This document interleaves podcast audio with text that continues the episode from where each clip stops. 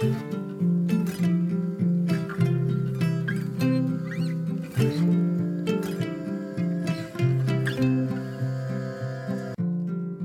och välkommen till For Health med Anna Sparre!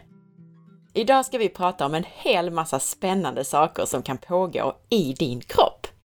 Vi ska prata om kopplingen mellan hur du omsätter det viktiga ämnet svavel och magproblem som IBS och SIBO. Och dessutom din genetik och kroppens belastning av giftiga ämnen. Det kan låta som många saker, men det är ju så himla intressant det här med hur allt faktiskt hänger samman i kroppen. Tack till vår sponsor Selexir! Selexir innehåller några av de mest potenta tillskotten för våra celler och mitokondrier i en enda tablett. Bland annat innehåller Selexir koenzym Q10, PQQ och acetyl-L-karnitin. Ämnen som både är viktiga för dina mitokondriers hälsa och behövs för cellernas energiproduktion. Du hittar Selexir på selexir.se. Om du är nyfiken efter avsnittet så hittar du mer information på forhealth.se.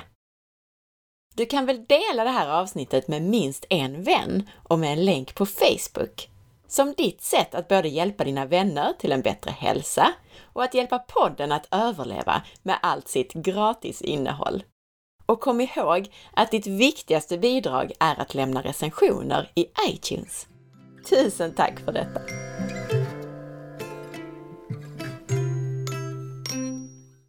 Jag vill följa upp avsnittet med Graham Jones om IBS och SIBO med det här avsnittet. Det finns ytterligare anledningar till SIBO och IBS som vi inte diskuterade. Jag ska dock tillägga att det här avsnittet är helt fristående, så du behöver inte lyssna på intervjun med Graham först. Men är du helt ny på det här med SIBO som en förklaring till IBS, så skulle jag rekommendera att du lyssnar på avsnitt 77 för att det här avsnittet ska kunna sjunka in på bästa sätt.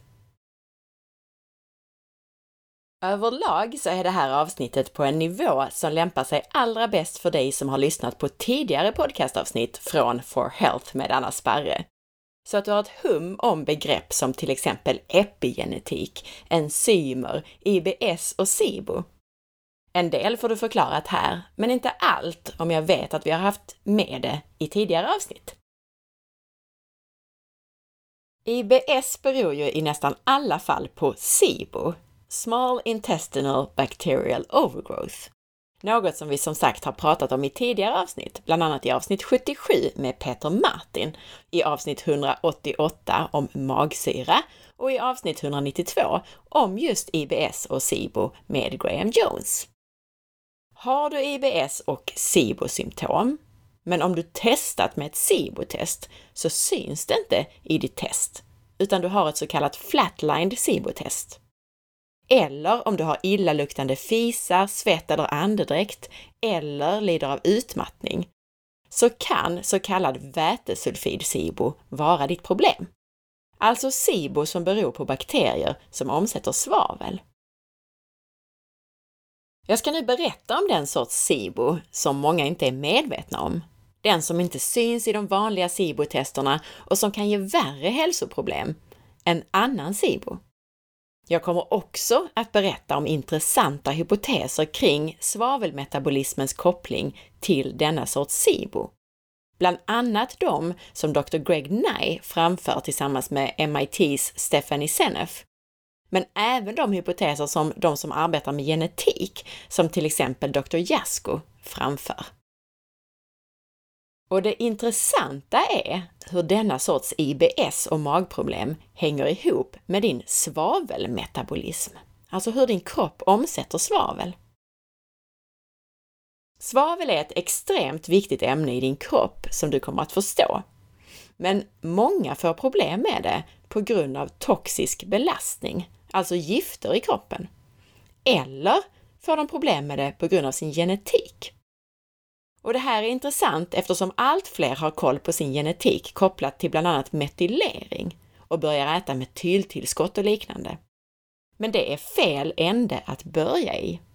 Har du besvär med din metabolism av svavel så är det där du måste börja. Annars kan åtgärderna för din metylering göra mer skada än nytta.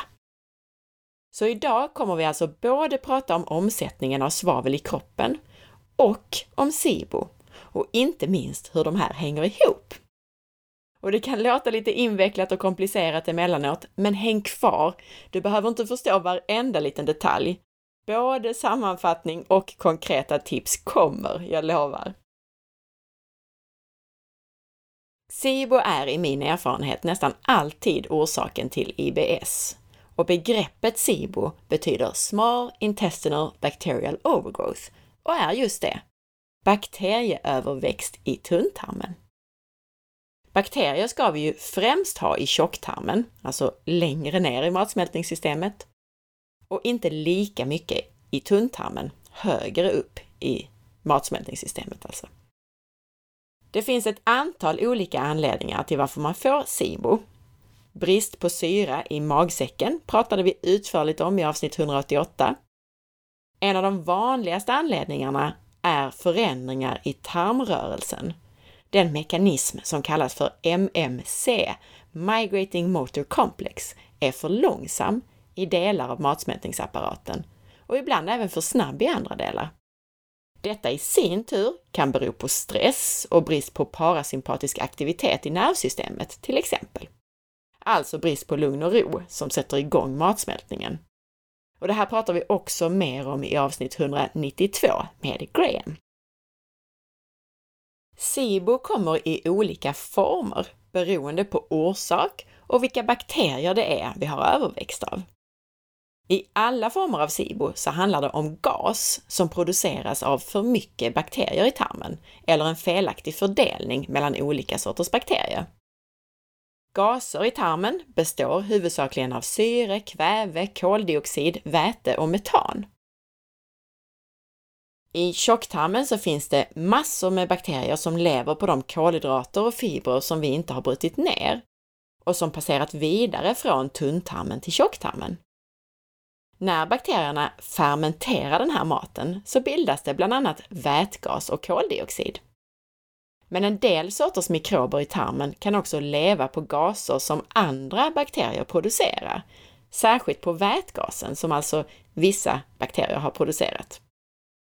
Och de här mikroberna, som då lever till exempel på vätgas, kan i sin tur avge gaser som metangas och svavelinnehållande gaser som vätesulfid.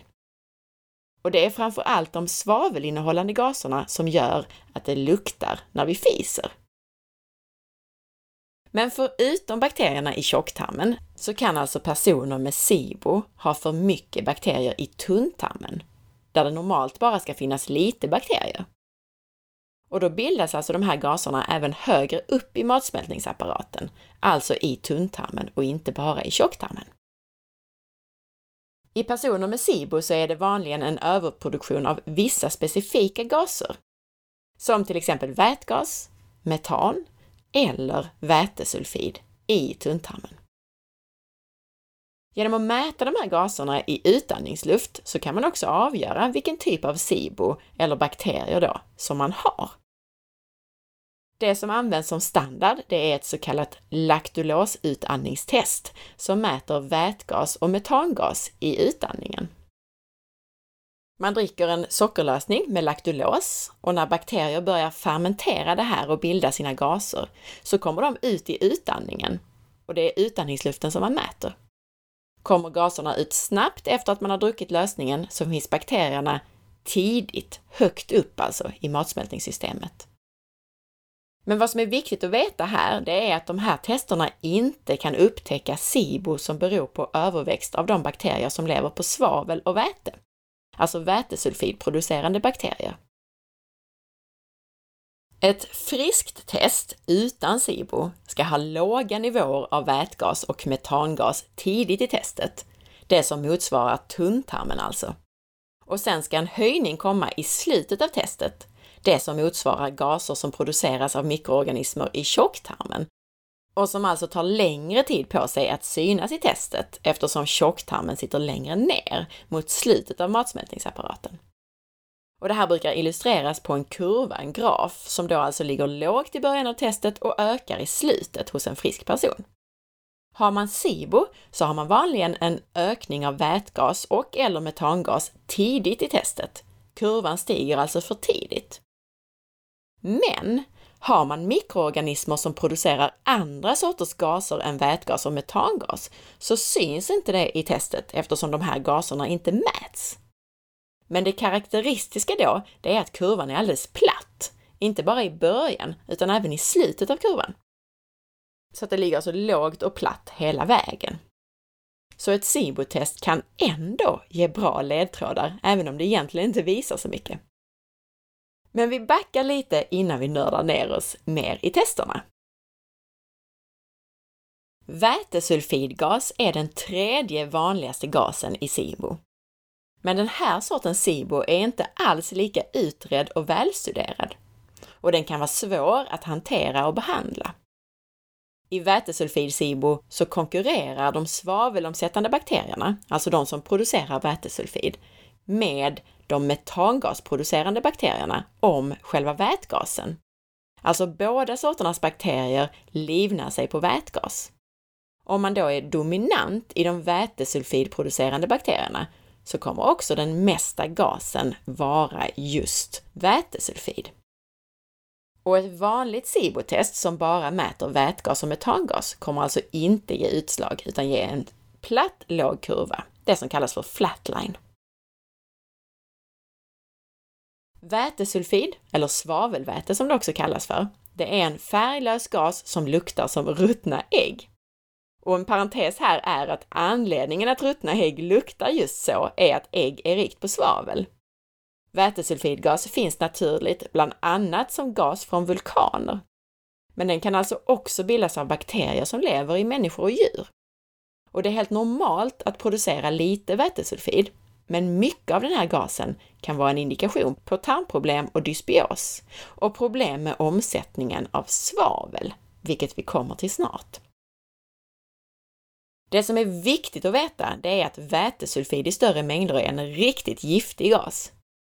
Det ger symptom som huvudvärk, minnesförlust, nedsatt koncentrationsförmåga och utmattning.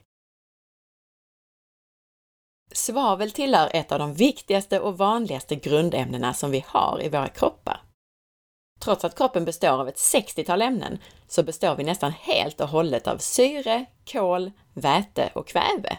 Mycket av detta i form av vatten. Men näst efter de här ämnena så är de viktigaste kalcium, fosfor och svavel. Även kalium, natrium och magnesium tillhör de viktigaste ska jag tillägga. Men vad jag vill poängtera här är just svavel. Vi hör mycket om ämnen som kalcium och kalium, men något mindre om svavel. Några av huvudfunktionerna som svavel har i våra kroppar inkluderar att det är en viktig del i några av aminosyrorna, alltså i de byggstenar som bygger proteinerna i vår kropp. Det behövs för produktion av kollagen, och är viktigt för att bibehålla struktur hos kroppens celler och hos blodkärlens väggar. Det är en viktig komponent i det svavelinnehållande proteinet keratin, hårnämne, som bygger hår och naglar. Det är ett viktigt ämne som används i kroppens biotransformation, alltså för avgiftning som vi har pratat om i ett antal olika avsnitt. Jag tror det är 112, 114 och 116. Svavel används här både i sig självt, för att binda till giftiga ämnen och föra ut dem ur kroppen alltså. Men också för att det ingår i vår kroppsegna antioxidant glutation. När vi äter mat med svavel så ska detta svavel genomgå ett antal steg och reagera med syre för att bilda sulfat. Det är nämligen sulfat och inte rent svavel som våra kroppar använder för olika funktioner i kroppen. De flesta av oss får i oss tillräckligt med svavel via vår kost. Men en del sjukdomar och ohälsa kan kopplas till problem med hur vi omsätter svavel i kroppen. Allt från autoimmunitet till magproblem som SIBO och inflammatoriska tarmsjukdomar. Det som kan göra att vi får problem med att omsätta svavel i kroppen är dels genetiska faktorer, som kan ge problem med de enzymer som ska göra om svavel till sulfat i kroppen. Det här sker i flera steg med flera olika enzymer. Dels toxicitet, alltså hur mycket gifter vi utsätts för och har i kroppen, kan alltså ställa till problem med att omsätta svavel. Och dels näringsmässiga faktorer som brist på spårämnet molybden till exempel, som behövs för att bilda enzymer som ska göra om svavel till sulfat i kroppen. Sulfat har, som jag sa tidigare, många viktiga roller i kroppen, inte minst för vår bindväv, alltså för att bibehålla kroppens strukturer. Men om någonting händer i kroppen så att svavelmetabolismen inte fungerar som den ska och kroppen får svårare att ta fram allt det sulfat som den behöver, så måste den arbeta med en omväg, en workaround. Det går inte att vara utan sulfat. Så fungerar inte den vanliga vägen så får kroppen hitta en annan helt enkelt. Och det verkar faktiskt vara så spännande att det som händer när vi inte har tillräckligt med sulfat, det är att kroppen anpassar sig och ser till att de bakterier som omsätter svavel växer till sig. För vissa sorters bakterier kan nämligen producera vätesulfid, H2S, eller sulfit. Och de här ämnena kan i sin tur användas för att producera sulfat där det behövs i kroppen. Och det här är en viktig hypotes kring varför överväxt av vätesulfidproducerande bakterier sker. Varför vi får det som ofta kallas den tredje typen av SIBO, vätesulfid-SIBO. Vad är det då som händer i kroppen egentligen? Orsaken verkar ofta vara toxicitet, gifter alltså på grund av den roll som svavel spelar i biotransformationen, alltså i detox, fas 2 i levern, så binder alltså svavel till toxiska ämnen. Men svavel på andra ställen i kroppen ska inte vara uppbunden med gifter. Svavel har ju andra roller i kroppen som jag nämnde. Den ska ju ge struktur och så vidare till olika vävnader. Men nu är det så att vi exponeras för så mycket toxiska ämnen som binder upp svavel. Och det här leder då till en massa problem. Svavel med den kemiska beteckningen S kommer från kosten i olika former. Kroppen behöver få detta svavel till sulfat, SO4. I kosten är det i andra former. Det är inte sulfat i kosten utan det är till exempel svavel i form av tioler. Enzymer i kroppen gör om detta svavel som vi får från kosten till sulfat. Vi måste ha konstant tillgång till sulfat eftersom det är ett så viktigt ämne som används i hela kroppen. Varje yta i kroppen innehåller svavel. Om vi inte kan göra sulfat med vanlig enzymatisk aktivitet så kommer kroppen att göra en workaround och lösa det på annat sätt. Kroppen måste alltså ha sulfat. Svavel oxideras i olika steg till sulfat, SO4. Antingen A via enzymer eller B via bakterier och sen i våra mitokondrier. Så det som händer om inte allt fungerar perfekt är alltså att svavel från kosten transformeras av bakterier till vätesulfid, H2S. Detta kan sen användas av cellerna efter att det har oxiderats av mitokondrierna till sulfat, SO4. Och ska vi vara riktigt noggranna så gör sedan ett enzym som kallas för PAPS-S detta sulfat till den biologiskt aktiva formen av sulfat som kallas för PAPS. Men visst är kroppen smart? Den ser till att vi har bakterier som kan tillverka en mellanprodukt som våra mitokondrier använder för att tillverka det nödvändiga sulfatet som cellerna sen kan använda. Problemet blir bara att det här dels belastar våra mitokondrier och dels att den här vätesulfiden är skadlig i större mängder. Det här betyder också att det är en adaptiv överväxt av bakterier. Så det hjälper ju inte att bara döda bakterierna och så är allt bra. Men det kommer vi till. Det är alltså processen där kroppen gör om svavel till sulfat och PAPS som inte är tillräckligt effektiv som kan göra att vi reagerar på svavelinnehållande mat. Och detta i sin tur kan bero på att vi har toxiska ämnen i kroppen som binder till vårt sulfat. Det kan bero på genetisk känslighet och det kan bero på näringsbrister. Och det här kan hänga ihop också. Vissa gifter binder till exempel till mineraler som behövs för sulfatproduktion, till exempel till molybden. Så gifterna gör att vi får funktionella näringsbrister, vilket gör att vi inte kan bilda våra enzymer och omsätta svavel som vi ska. Och jag vet att det här är lite krångligt, men du behöver inte förstå alla detaljer. Det viktiga är att du får en känsla för vad som händer.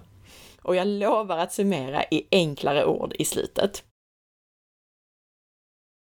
Toxicitet är som sagt en vanlig anledning till att vi får de här problemen med överproduktion av giftiga gaser som vätesulfid och sulfiter.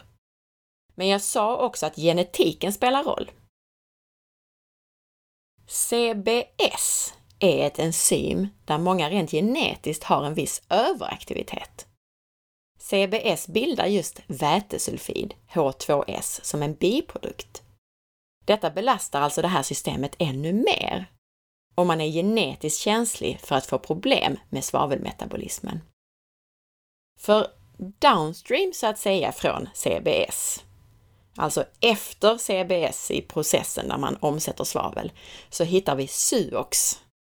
Och SUOX, som står för Sulfite Oxidase, är det enzym i mitokondrierna som oxiderar sulfiter till sulfat. Jag ska berätta mer om enzymerna och genetiken, men tillbaka till gifterna så använder det här suoxenzymet molybden som en kofaktor. Och det använder också en hemgrupp, alltså en sån där molekyl med järn i. Det som är intressant här är att just molybden binds upp av gifter i form av glyfosat, bekämpningsmedlet Roundup alltså. Och molybden kan också ersättas i själva enzymet av gifter så att det här enzymet blir overksamt. Enzymet slutar alltså att fungera om gifter ersätter molybden. Järn, som också behövs för det här enzymet SUOX, binds också av gifter. Så toxicitet i kombination med en genetisk känslighet är ingen hit helt enkelt. Eftersom det här kan vara lite komplicerat så ska jag repetera det med andra ord. Summerat är det så att problemet är att svavel har två roller. 1. Det finns bland annat i kroppens ytor och vävnader och ger struktur. Och 2. Det används i detox, alltså det binder med gifter som till exempel tungmetaller för att föra ut dem ur kroppen. När toxiner binder till det svavel eller sulfat som inte ska användas för avgiftning, så förstörs molekylära strukturer i kroppen och sulfatbehovet ökar. Alltså gifterna binder till det svavel som inte ska användas till detox. Det är detta som är problemet. Och kroppen upplever då en brist på sulfat. Kroppen behöver alltså tillräcklig tillgång till sulfat och får den inte det i tillräcklig mängd så får vi istället tillväxt av svavelomsättande bakterier som kan bilda sulfit och vätesulfid. Vi får alltså en dysbios, en obalans i tarmfloran som kompensation för kroppens oförmåga att metabolisera sulfat i sina vanliga processer i tillräcklig mängd. I små mängder så är vätesulfid en nödvändig molekyl i kroppen. Den används till exempel i vårt immunförsvar för att reglera inflammation. Och det används för att bilda minnen, i vårt nervsystem alltså. Det används i energiproduktion, för tarmrörelsen med mera. Men vätesulfid är också en giftig gas. För mycket vätesulfid kan ge problem som hjärndimma, problem med minnet, utmattning, hudbesvär och magbesvär. Det kan bidra till att öka tarmpermeabiliteten, alltså genomsläppligheten i tarmen, och till inflammation. Vätesulfid är associerad med inflammatoriska tarmsjukdomar som till exempel Crohns sjukdom. Det blir alltså problem när kroppens vanliga sulfatproduktion inte fungerar och vi på grund av överväxt av svavelomsättande bakterier eller på grund av vår genetik producerar mer vätesulfid än normalt. Några av de symptom som man brukar ha vid bakterieöverväxt och överproduktion av vätesulfid, alltså vid sån här H2S-SIBO, det är luktande fisar, svett eller andedräkt. Alltså fisarna luktar oftast lite som ruttna ägg. Att man ofta är varm och svettas. Svavel är varmt brukar man säga. Och det vet den som har tagit ett bad med Epsomsalt, sånt här eh, magnesiumsulfatsalt. Kanske, om man har problem med det här, så kanske man vaknar upp och är varm på natten. Ofta har man magbesvär i form av till exempel uppblåsthet. Men gör man då ett sånt här SIBO-test så syns det ändå inte där. En del vaknar med huvudvärk. Hjärndimma och eller oro är också vanliga symptom. Utmattning eftersom vätesulfiden påverkar mitokondrierna. Man får ofta en rödaktig hud eller så får man utslag eller dermatit. Man mår inte bra av alkohol, särskilt inte av vin. Det kan förväxlas med histaminintolerans, men histaminintolerans ger oftare mer huvudvärk, snabb puls och diarré. Vätesulfid vidgar blodkärlen, vilket kan ge ett lågt blodtryck och ibland, men inte alltid, en lägre puls. Det kan ge oregelbundna hjärtslag, man upplever ofta problem med svavelrik mat som till exempel när man äter vitlök, lök, kål och ägg. Till exempel då att man blir uppblåst, får ont i magen eller blir svettig av att äta den här maten. Ett annat symptom är att man inte mår bra på svavelrika tillskott som man hört att alla andra mår bra av, som till exempel MSM. Att man ibland får ont i magen vid en viss punkt är också ett vanligt symptom. Värk i kroppen och fibromyalgi kan också vara symptom. Det beror lite på hur illa de här besvären är. Och överskott av svavelmetaboliter kan dessutom resultera i att vi lättare får blåmärken och blöder lättare. Bakterierna vid den här sortens besvär bildar faktiskt två sorters skadliga ämnen, vätesulfid och sulfit. H2S, vätesulfid, är framförallt inflammationsframkallande och sulfit är framförallt toxiskt. Och vissa personer har mer vätesulfidsymptom och vissa har mer sulfitsymptom.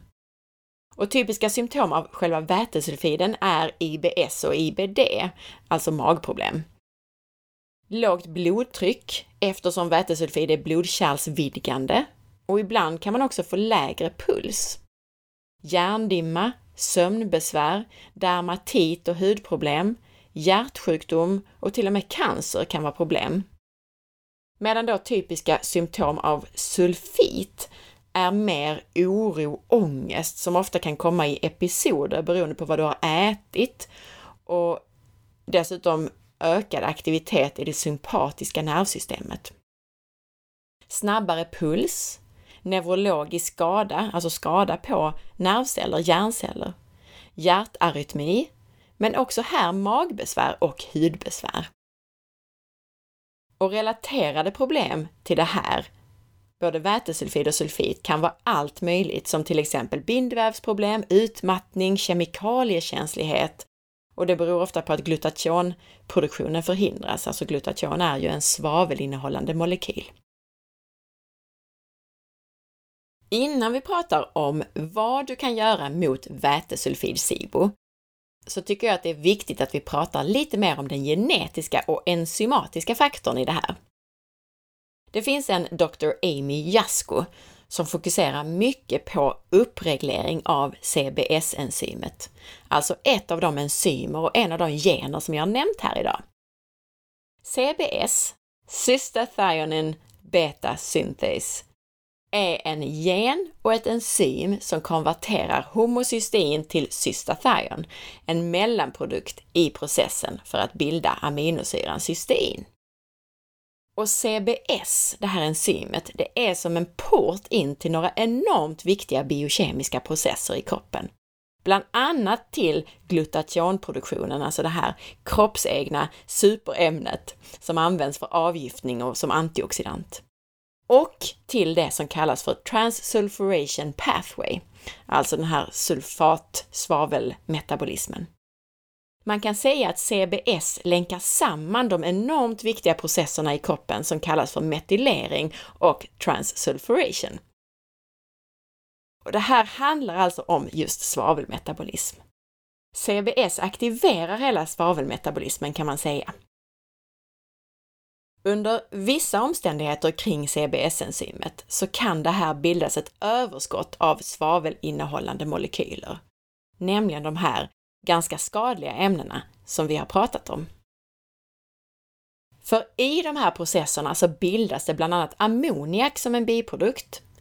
Glutation produceras som sagt och vätesulfider omvandlas till sulfit och sen vidare till sulfat.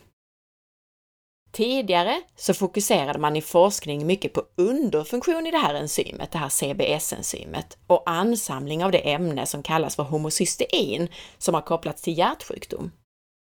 Men uppreglering, alltså överfunktion i CBS, verkar kunna ge minst lika mycket besvär. Uppreglering av CBS-enzymet kan man bland annat få av en genetisk känslighet, alltså man har variationer i den här CBS-genen, eller i den gen som kallas för BHMT. Men i BHMT-genen så handlar det om nedreglering i så fall. Man kan också få det av att man får i sig väldigt mycket svavel från kost och tillskott.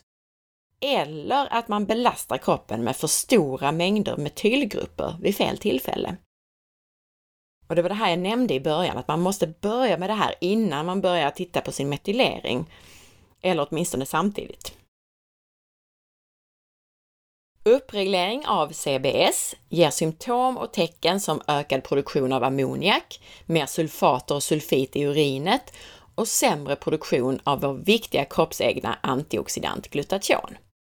Dessutom så försvinner metylgrupper i en rasande fart i den uppreglerade CBS-processen, vilket alltså påverkar metyleringen negativt vilket i sin tur då påverkar en hel massa saker, bland annat kroppens detox där metylgrupper behövs.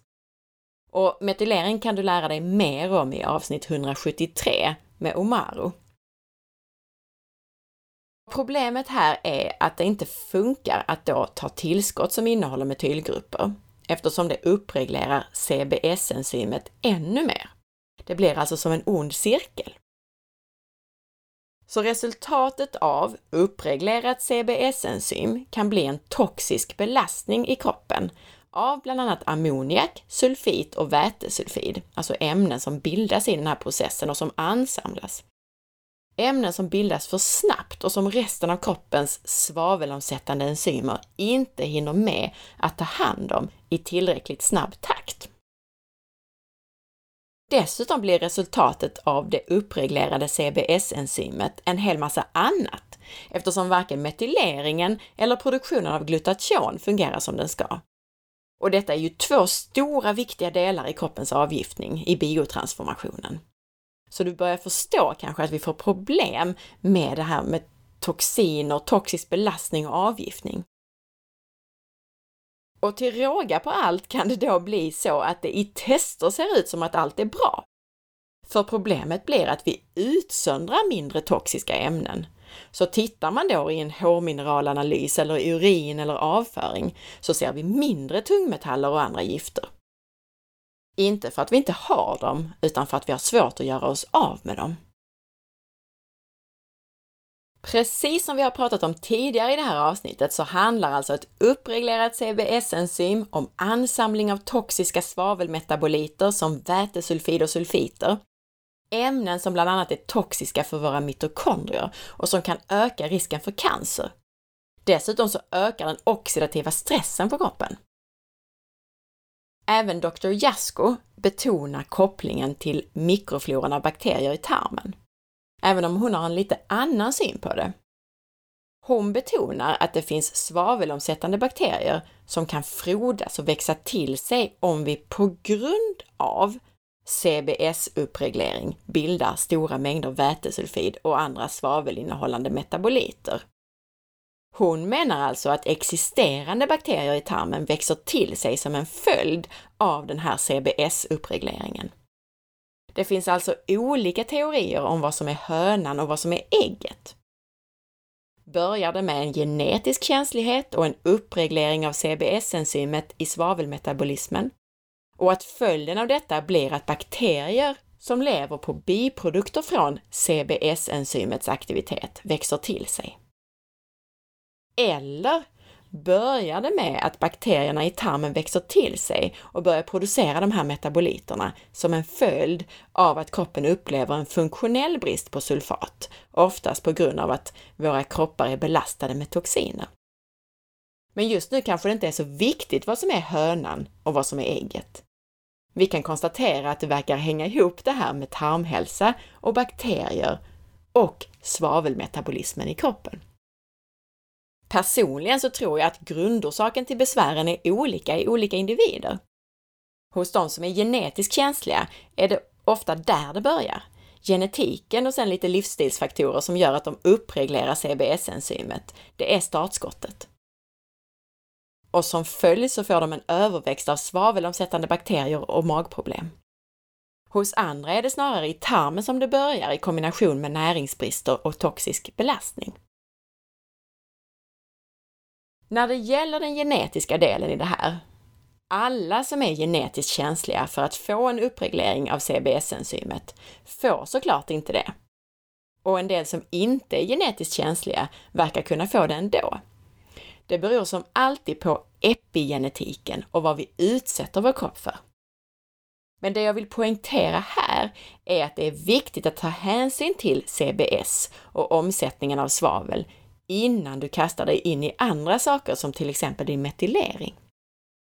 Det du behöver göra när det gäller CBS-uppreglering är precis de saker som vi kommer att prata om relaterat till vätesulfid-SIBO. Särskilt eftersom de här två sakerna ofta hänger ihop. Men det finns ytterligare några saker att tänka på just kopplat till CBS-enzymet, vilket jag kommer att kommentera. Som sagt, jag vet att det här är svårt och rörigt, men summerat kring det här med gener och enzymer. Personer som har ett uppreglerat CBS-enzym, ofta till följd av genetisk känslighet, kan ha överproduktion av ammoniak och sulfiter och dessutom lägre nivåer av vårt viktiga glutation. Man får alltså ofta de symptom som jag nämnde tidigare relaterat till vätesulfid-SIBO, såsom magproblem och uppblåsthet, utmattning med mera. Jag kommer snart att avsluta här för idag och i nästa avsnitt som kommer redan nästa vecka så kommer jag att bli mycket mer tydlig och konkret och berätta vad du faktiskt kan göra om du upplever de här symptomen som vi har pratat om idag och misstänker att du har problem med omsättningen av svavel, med toxicitet och eller med överväxt av bakterier som producerar vätesulfid eller sulfit. Smält det som vi har pratat om här och lyssna sedan på nästa avsnitt där du kommer att få massor med praktiska tips.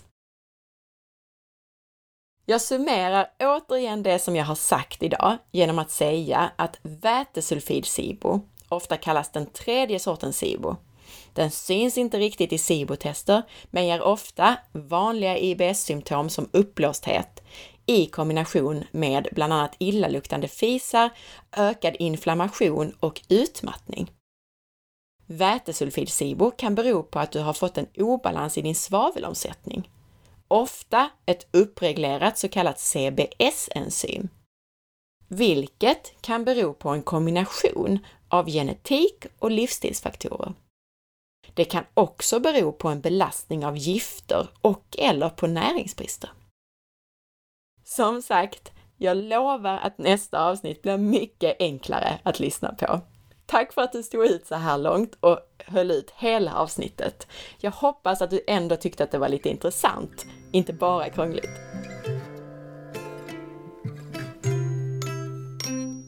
Tack för att du lyssnade!